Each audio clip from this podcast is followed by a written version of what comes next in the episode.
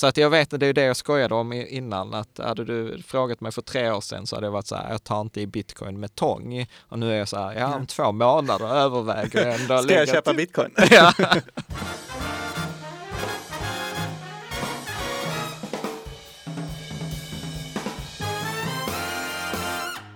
Varmt välkommen till eh, ännu ett avsnitt av Bitcoin-podden. Den svenska podcasten som har fokus på bitcoin och på kryptovalutor. Jag heter Christian Plog och är chefredaktör för kryptonyhetssajten Trio News som också ligger bakom den här podden. Idag så har vi med oss eh, kanske en av Sveriges mest kända ekonomi-influencers, Jan Bolmesson. Välkommen till Bitcoin-podden. Tack så mycket. Tack så mycket. Du kör direkt från en studio i Malmö. I källaren, Malmö. i källaren hemma hos mig och Caroline. ja, härligt. Hur är läget då? Det är bra tack. Det är ju ett spännande och annorlunda år så att vi spelar in detta här nu i, vad är det, november 2020 och då är det ju mm. mitt, mitt under brinnande coronakris så att eh, det, är, det har varit ett annorlunda år, så kan man säga. Men det är bra med oss. Det får man, det får man säga. Härligt att höra. Eh, du, hur känns det att få prata lite bitcoin idag då?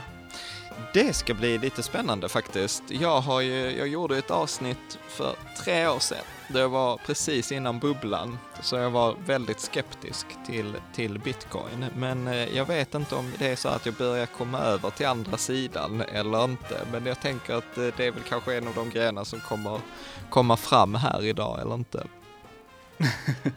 ja, vi får se. Varmt välkommen hit är du i alla fall. Tack så mycket.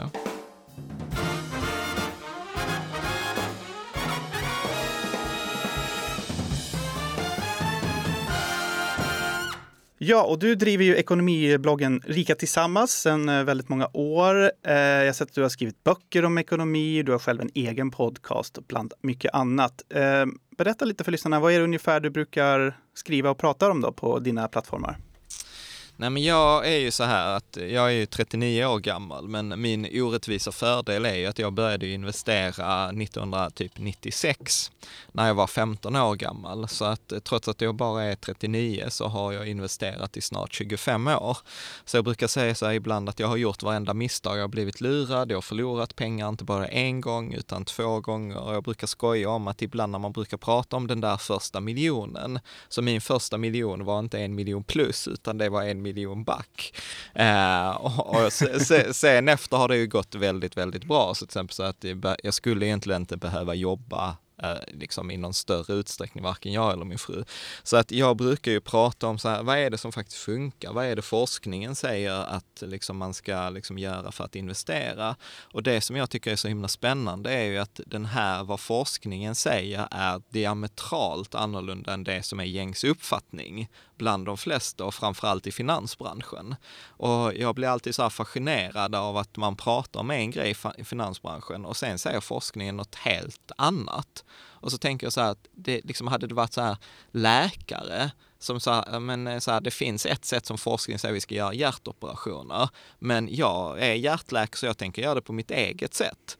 Det hade vi liksom aldrig accepterat, men i området Nej. finans och sparande så gör vi det. Så att jag är väldigt tråkig, investerar på det sättet, jag investerar, jag brukar säga så här, smart sparande är inte spännande, men det är väldigt lönsamt över tid. Så att jag pratar mycket om så här forskningsbaserat investerande, jag älskar ju billiga globalfonder som investerar i hela i hela världen och eh, ja men det som har funkat i, i alla tider liksom. Och, och mm. Och det coolaste av allt, vilket gör mig lite så här annorlunda, det är så att jag säger så här, det tar, smart sparande tar inte mer än fyra timmar per år, så att man behöver liksom inte vara nördig, utan tvärtom är det så att ju mer ointresserad, ju mer lat, ju mer oengagerad man är, desto mer pengar kommer man tjäna. Vilket brukar provocera alla som tycker att det är kul att ha pengar och sparande som hobby.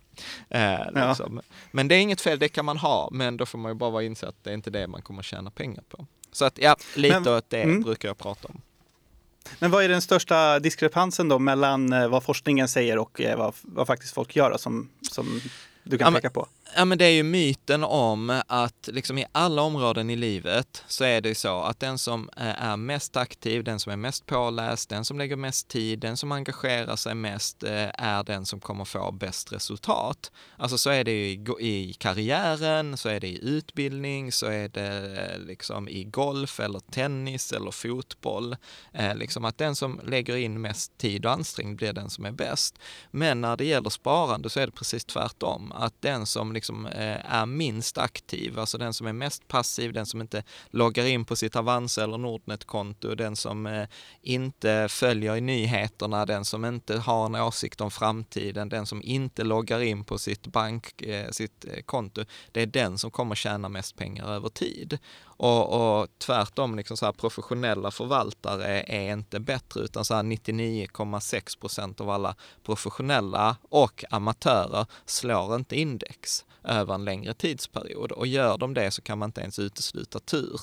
Och det är just det här konceptet om att liksom framgång på börsen handlar om tur och inte skicklighet som vi har så svårt att ta till oss för att det är så ointuitivt eh, för oss. Så att det är därför jag är mycket för liksom så här passivt sparande, liksom så här, sitt still i båten, gör samma saker över tid för att det är det som funkar. Och jag kom till den insikten efter att i 15 år försökt vara aktiv och inte lyckats. Liksom.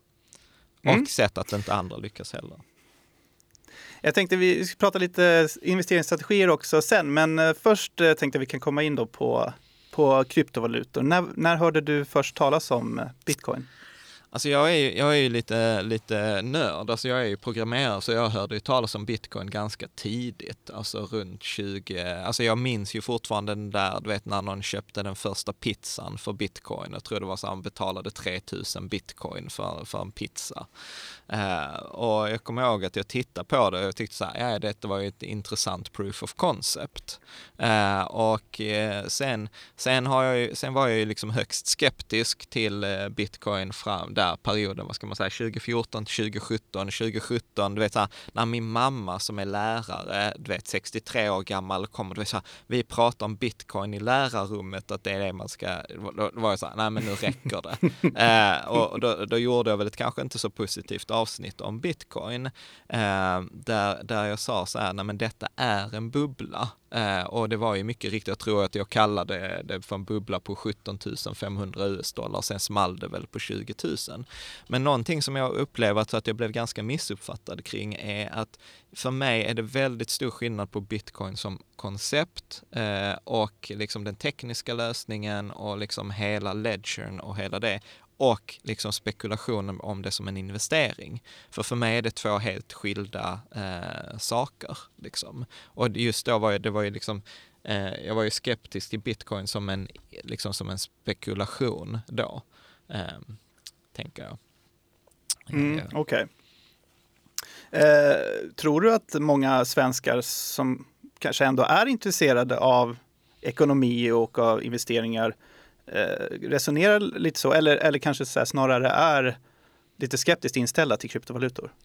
Men jag, jag tror att det, det, är ganska mycket att förstå kring de här eh, liksom, kryptovalutorna och jag börjar ju liksom mer och mer, eh, alltså så här min, min jag gillar ju jättemycket den här decentraliseringen eh, och, och, jag tror att liksom tittar man på vart världen är på väg så, så tror jag ju liksom på just den här decentraliseringen att vi behöver inte ha en storbank som ska hålla reda på vem som har lånat ut eller vem som har gjort vissa transaktioner. Det finns det ju tekniska lösningar för idag. Jag upplever också, tittar man så är det ganska spännande sådana här saker, till exempel länder som har politiska problem eh, eller svaga valutor tenderar att ha liksom en större, vad ska man säga, bitcoin tenderar vara större på de ställena.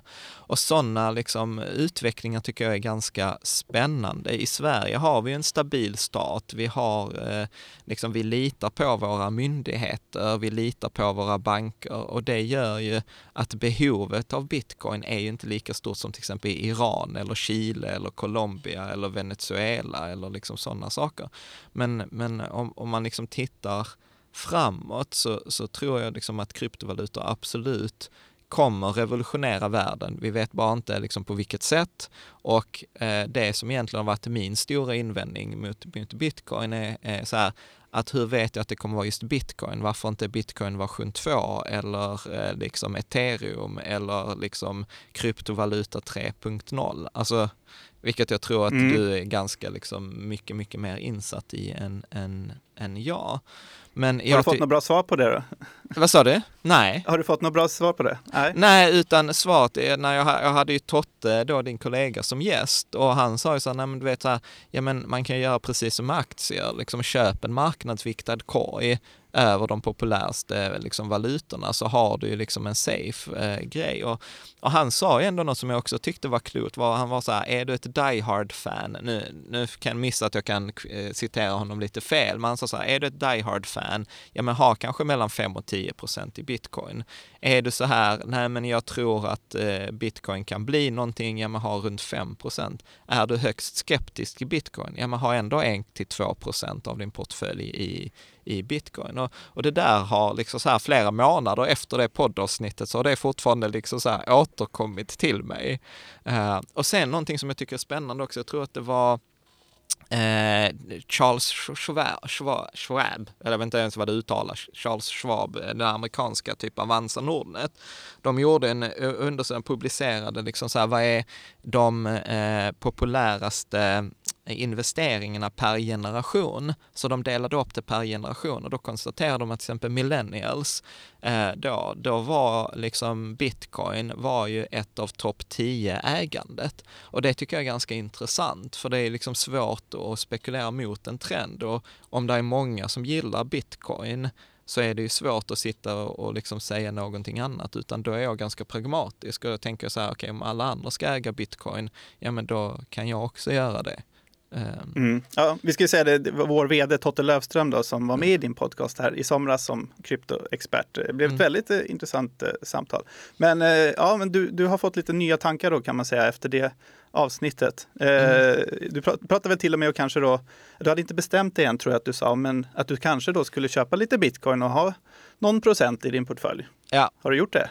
Nej, jag har inte gjort det och nu sitter jag mest med liksom den där frågan, så hur gör jag det rent konkret? För där finns ju liksom bitcoinfond, där finns ju er, eh, sättet att göra det via er, det finns massa andra. Så att just nu är det mest så här att det är för mycket annat som pågår i, i livet, utan men det är en sån där grej som ska göras innan januari är slut. För jag brukar göra så att under året så, så jag sätter ju all, med tanke på det här passiva sparandet så är det ju så att jag sätter upp allting i januari, sen låter jag det löpa under året och gör ingenting. Så tänker snart är det januari, då är det dags att ta mm. tag i den, i den pucken. Men jag tror väl att det blir väl som allt annat en kombination av att eh, både liksom jag, alltså jag kan ju inte detta här nu så nu kan jag kanske låta skitfånig men typ så hard wallet eller liksom något sånt här att man ska ha det helt offline. Eh, tror jag var en del man skulle göra och sen så kan man ha en viss del som ligger på någon sån här börs, till exempel hos er eller någon annanstans. Ha, sa, jag mm. något, sa jag något konstigt nu här? Att jag Nej då, det, skämmas? det absolut.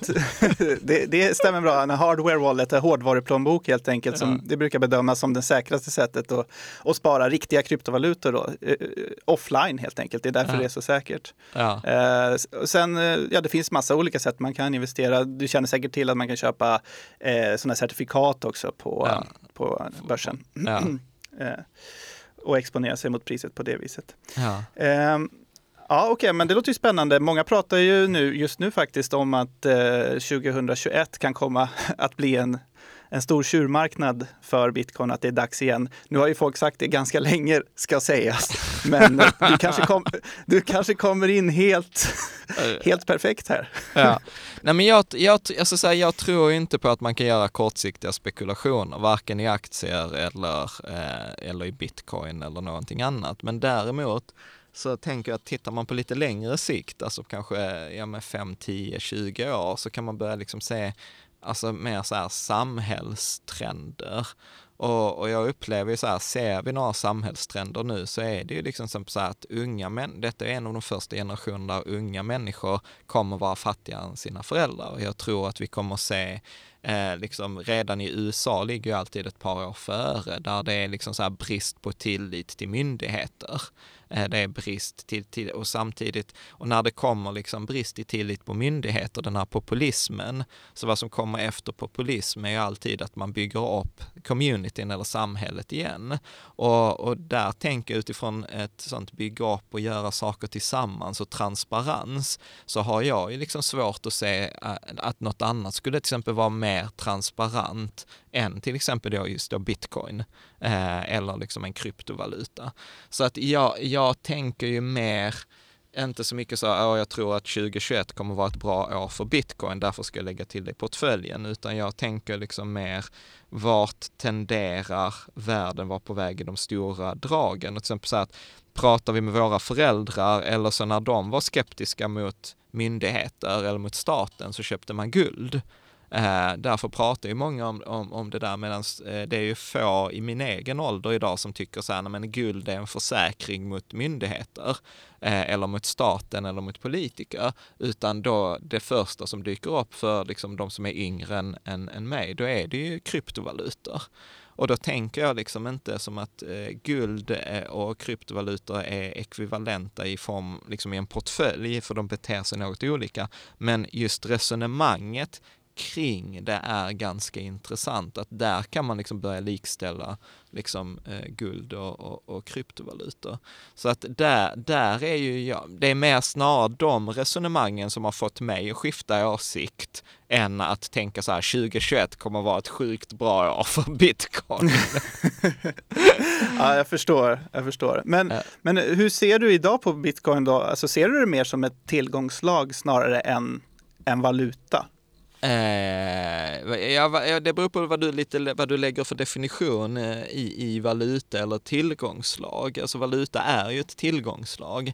Eh, men jag, jag ser ju det mer som, en, liksom, som ett komplement, som att man har aktier, eh, man har räntor, man har lite guld och man har liksom krypto, en korg av kryptovalutor. Och, och där kan jag liksom säga återigen, jag, jag, är inte så alls lika duktig som ni är, men där är väl så här, är inte så att bitcoin har väl en av de största market cap, alltså vikterna liksom i, i volym. Uh, ja, absolut. Det, det, är lika stort som Paypal, eller större skulle jag säga, marknadsvärde. Ja. Bitcoin. Ja, mm. men jag tänker i, i förhållande till de andra kryptovalutorna så är väl eh, Ja, du menar så. Ja, eh, absolut. Det, det, är klart den största. Jag tror att det ligger på 6, nej, 70 procent nästan eh, av, av, samtliga kryptovalutor som finns. Ja. Eh, bit, bitcoin. Precis, och då, då, då, tänker jag liksom så här att, att i i min värld så är det inget konstigt att prata om så här, men har du en investeringsportfölj så ska du inte ha allt i svenska kronor, utan då ska du ha till exempel i US-dollar.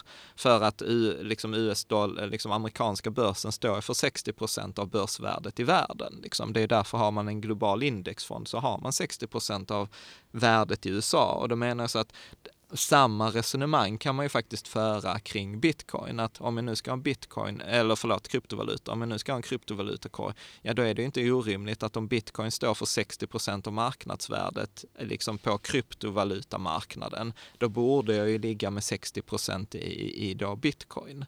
Eh, mm. Och, och, och, återigen, och då blir det återigen inte det här spekuleringen, kommer det vara ethereum eller bitcoin eller eh, liksom ripple eller någonting annat, utan jag är ganska agnostisk i det där utan att jag tittar på hur ser, hur ser eh, liksom marknadsvärdet ut och sen köper jag hela marknaden. Eh, mm. Tänker. Och detta kan vara ett helt åt helvete resonemang. Det får gärna någon av era lyssnare återkomma om jag, är, om jag har Nej, otur jag när jag tänker. jag tycker att det låter som ett rimligt resonemang. Eh, man, man brukar väl säga att eh, värdet i en kryptovaluta, i bitcoins fall då, är egentligen hur, hur pass decentraliserad och säker den är och hur länge den har bevisat sig och framförallt hur många människor är det som använder kryptovalutan? Eh, för det går ju hand i hand med, med säkerheten. Eh, och där är ju bitcoin helt, helt överlägset. Eh, tittar du på alltså, de flesta andra kryptovalutor så är de extremt mycket mindre och därmed mycket mer centraliserade, därmed mycket mer osäkra. Men jag, jag, tänker en sån här fråga, om jag börjar intervjua dig här istället. så, ja. en, en, fråga, en fråga som jag har funderat på så här, det är ju ändå fortfarande så här, de flesta har talat om bitcoin, de har ungefär en uppfattning om vad det är. Men när, liksom så här, när men det är fortfarande inte liksom mainstream. Alltså förstår du, det är inte som att min mamma går ut och köper någonting för bitcoin eller får swishat bitcoin till, alltså förstår du att jag mm. upplever mm. att liksom vi är fortfarande, det är inte early, early adopters, men det är fortfarande lite konstigt att ha bitcoin. Alltså, jag fattar att inte för de som lyssnar på den här podden, men om vi liksom tar ett steg tillbaka och tittar på samhället i stort, så är det ju inte många procent av befolkningen som äger bitcoins. Liksom. Nej, så, så, är det ju. Men det är ju inte så många procent av befolkningen som är så intresserade av investeringar och aktier heller okay. kanske. Okay. Eller, liksom, eller vill hedga sig mot eh, världens eh, centralbanker och, och, hela den grejen. Eller po förstår jag vad jag menar? A point taken. Absolut. men, men, uh, men, men, jag tänker så här, vad, vad, vad, tror du hade krävts för att det skulle liksom bli så här mer utspritt för, förstår du, att det skulle komma till gemene man? Eller upplever du att det fortfarande, att det redan är hos gemene man och att det är bara jag som är eh, liksom börjar så här 40-åring här ja, som är efter? Alltså, alltså jag tror att de eh, flesta känner ju säkert till bitcoin men inte så mycket mer. Eh, men samtidigt tror jag, det finns ju en jämförelse som, eh, som man kan göra som har gjorts om, eh, om internet och hur det fungerar och så vidare. De flesta använder ju bara internet idag, går in på Instagram. De tänker inte på knappt att internet finns, det bara finns där. Och jag tror kanske att bitcoin kommer vara lite samma sak, att vi kommer få se tjänster eller eh, saker som folk faktiskt kan använda konkret där bitcoin används i bakgrunden. Och då handlar det kanske mycket om att kunna skicka pengar runt om i världen på ett billigt och säkert sätt och, och så vidare. Förstår vad jag menar? Ja. Men varför har inte det kommit än då? Alltså till exempel jag stör mig på det där, jag betalar ju sjukt, jag gör överföringar ibland och jag betalar så in i helvete mycket pengar för det. Det är typ 3, 4, 5 procent på, mm. på de här transaktionerna. Va, vad är det som gör att liksom de här leverantörerna, man, vet, man kör fortfarande Visa eller banköverföring, man kör inte bitcoin. ja, men du kan ju skicka bitcoin och då blir det ju mycket, mycket billigare. Det som är lite, och det som fortfarande är problemen idag är ju, i alla fall i Sverige, är ju det här skattemässiga, att du behöver eh, skatta och deklarera varje avyttring, vilket kan bli ganska jobbigt om du ska skicka ganska mycket transaktioner hit och dit. Mm. Men eh, själva skickandet är ju inga problem idag. Det är ju säkert ja, och billigt ja, redan idag. Så att säga. Jag fattar, men det är, det är ju det är, det är väldigt få tjänster som stödjer det. Alltså står det, det, det är ju det jag tänker. Jag har, ja, jag, ja, jag förstår vad du menar. Ja, ja. Nej, men det, ja. För, för det är early days fortfarande. Vad sa du? det är fortfarande early days helt ja, enkelt. Ja, ja vad bra. Vad bra.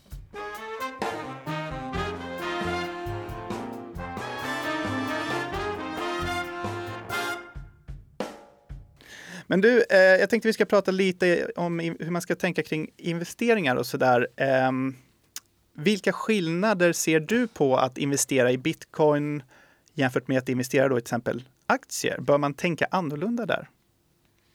Eh, nej, egentligen inte.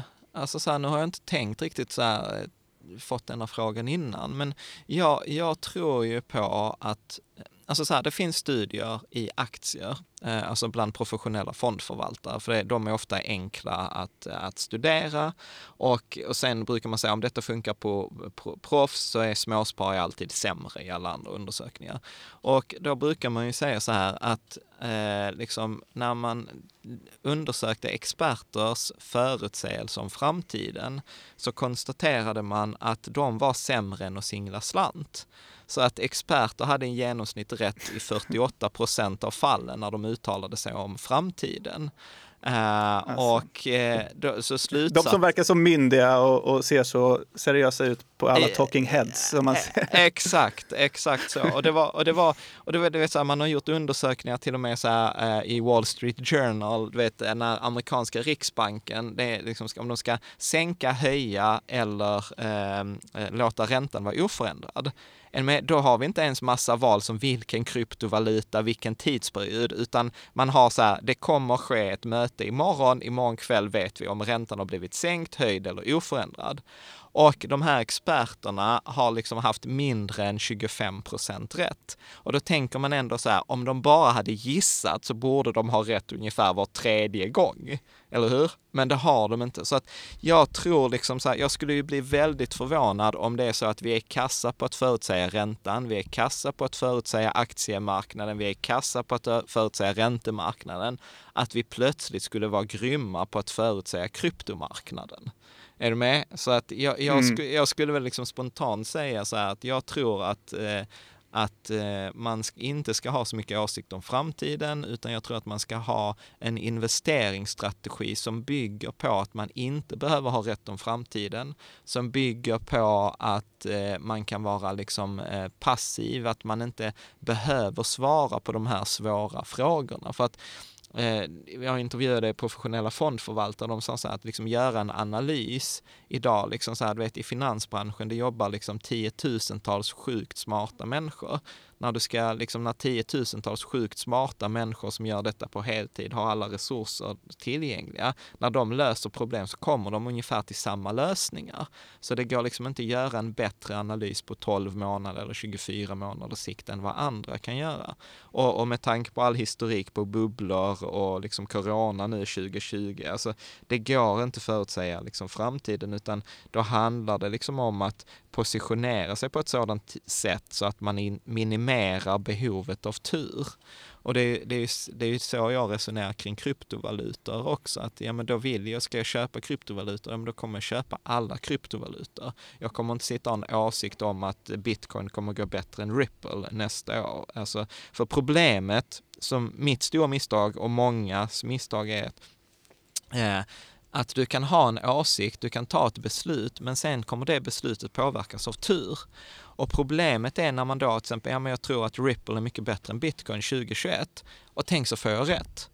Men då är det ju jättesvårt att tänka att var detta skicklighet eller var detta bara tur? För resultatet mm. ser likadant ut. Och det där är roligt för man kan lyssna på massa sådana här aktiefarbröder och, och, och, och, och liksom eh, gummor. Du vet, när, när, när, när deras aktier har gått upp, då var det skicklighet. Men när aktierna gick ner, då var det otur. Liksom. ja, ja det, det, ligger nog mycket i det där, ja, som du säger. Så att, jag, så att jag tror att det är så här klassiska regler som diversifiering eh, tror jag är, är viktigt. Jag tror att det är viktigt att återigen inte investera pengar man inte har råd att förlora. Jag tror inte på att eh, man, att jag, jag upplever att investeringar ska ha en positiv effekt på ens vardag. Eh, det vill säga att liksom, om det, min fru brukar säga i podden så här att om det kostar dig din nattsömn, då är det nog för dyrt. Eh, så att jag, jag, tror att det finns, eh, finns en bok som jag gillar jättemycket av Nassim Taleb eh, som heter Anti-Fragile. Och eh, vad han pratar om i den är något som han kallar för Lindy-effekten. Och jag tycker den är väldigt spännande för den säger så här, du kan bedöma hur relevant något kommer vara i framtiden baserat på hur länge det har varit relevant historiskt. Och då säger han liksom till exempel alltså en eh, liksom så här filosofiska skrifter, till exempel du vet så här Sun Tzu, den här eh, liksom Art of War. Det är så här, den har varit aktuell i 2000 år. Den kommer högst sannolikt vara liksom aktuell 2000 år till. En artikel på Aftonbladet som har varit relevant en, liksom en timme kommer sannolikt bara vara relevant en timme till. Liksom. Så att jag tror ju mycket att titta på principer oavsett område i livet och titta vad är det som har tätt sig fungera historiskt och sen kan man väl göra en kvalificerad gissning att om detta liksom, eh, har överlevt liksom, historiskt, för då har det liksom utsatts för massa prövningar och det har bestått tidens tand. Och har det bestått tidens tand, ja då kommer det sannolikt bestå tidens tand även i, i framtiden. Liksom.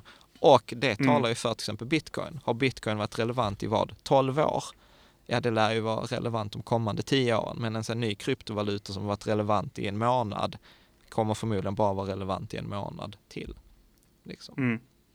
Jag vet inte, make sense eller vad tänker du? Ja, men absolut, absolut. Men man kan säga sammanfattningsvis då, om man ska tänka lite investeringstips eller tankar kring hur man ska tänka kring investeringar. Så här, sprid riskerna, spara regelbundet, men framför allt köp och glöm bort. Ja.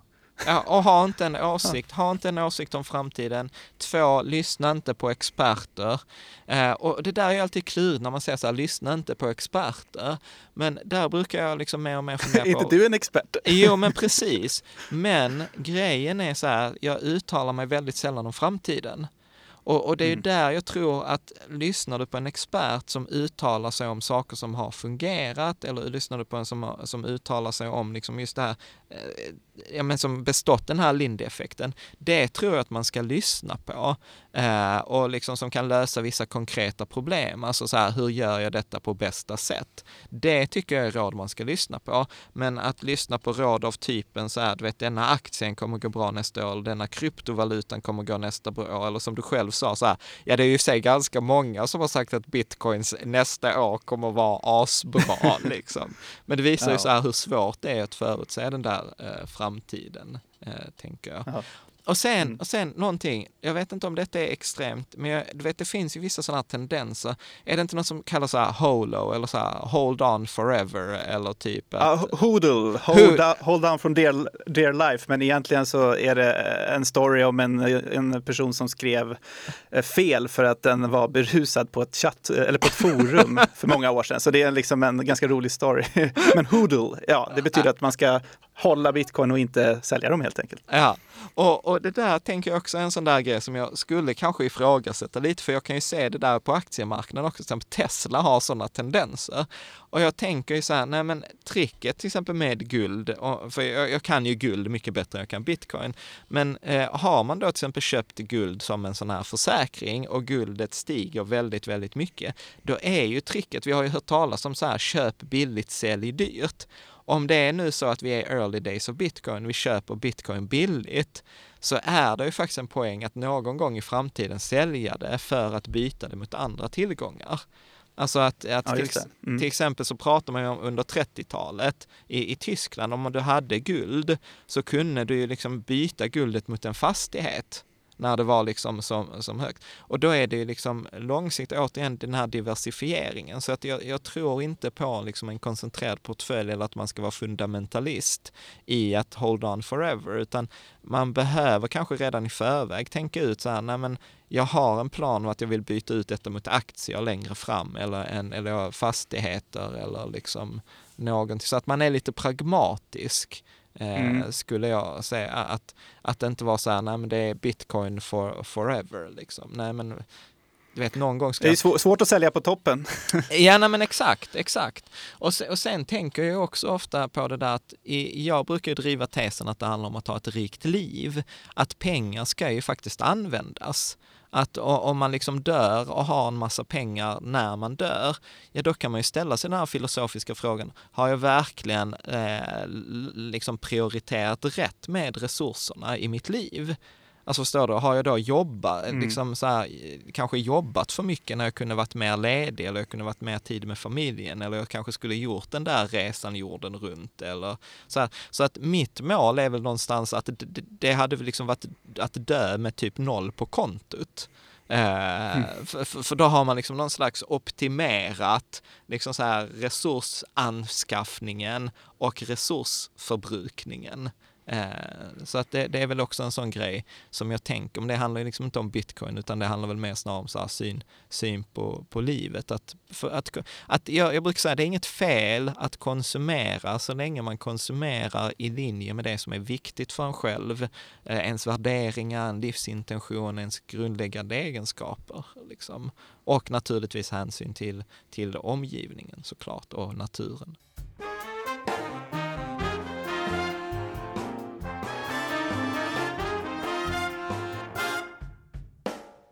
Många som tror på bitcoin har ju eh, samtidigt en misstro lite grann i alla fall mot eh, det nuvarande ekonomiska systemet och ser nu hur eh, i, i, i, spåren av coronapandemin eh, centralbanker så att säga trycker upp pengar för att mm. stimulera ekonomin, vilket på sikt då eh, enligt, enligt de här personerna eh, riskerar att, eh, att göra att det blir en stor inflation och så vidare och att mm. egentligen i värsta fall att allting skulle kollapsa och, det, och, att därmed bitcoin kan vara en slags räddning då i och med att det är helt frånkopplat från det systemet, att det är decentraliserat och säkert och att man hedgar sig helt enkelt mot, mot en mm. sån apokalyps. Vad tänker du om, om det?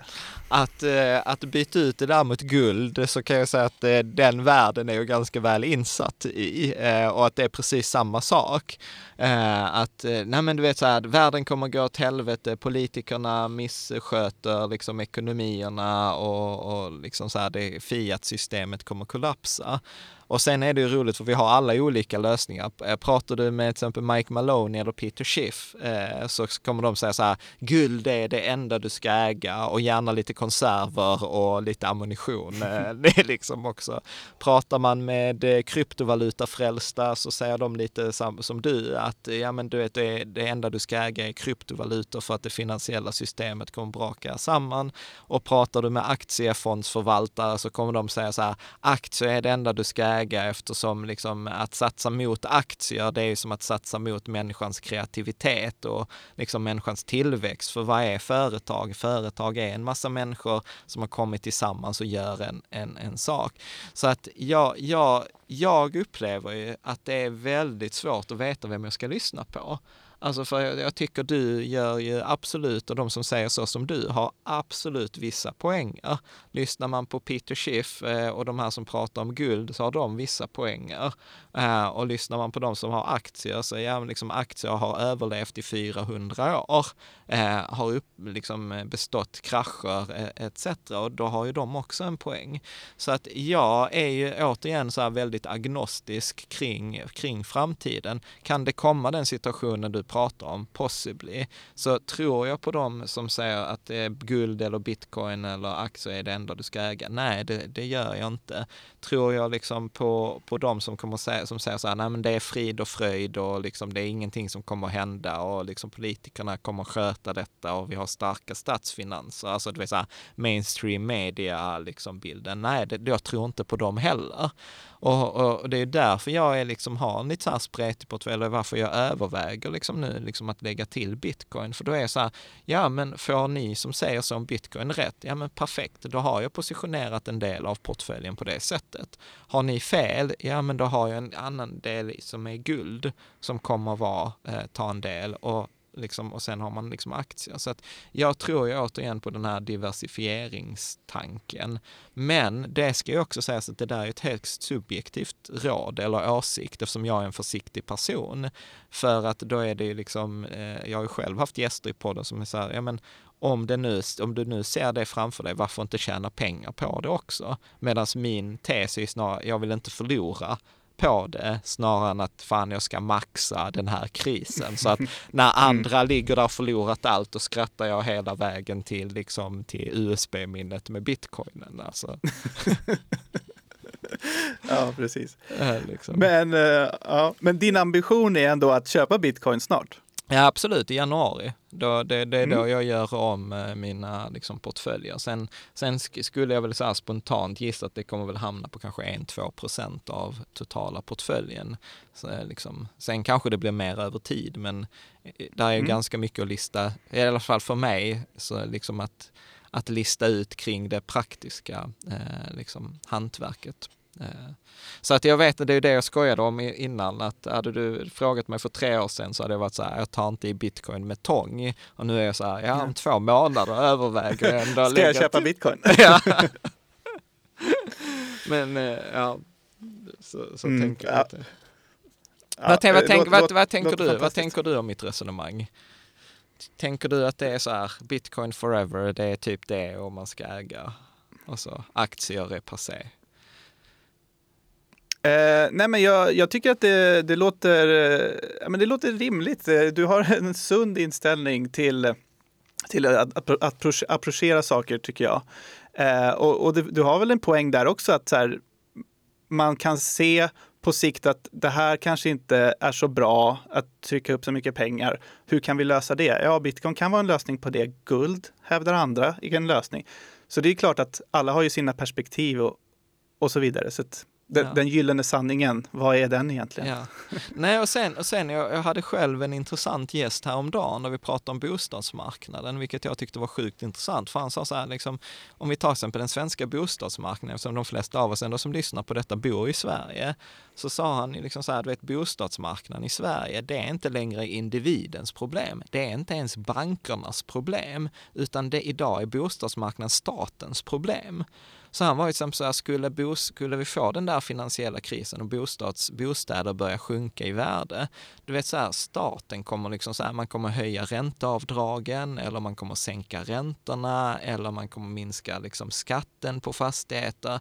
Alltså liksom att det kommer, där, där kommer ske ganska många saker innan den där shit hits the fan eh, grejen. Och, och sen så tror jag att man behöver komma ihåg att, som du var inne på, jag tror att det är Alltså det är ju typ bara 10% eller 20% svenska befolkningen som äger aktier.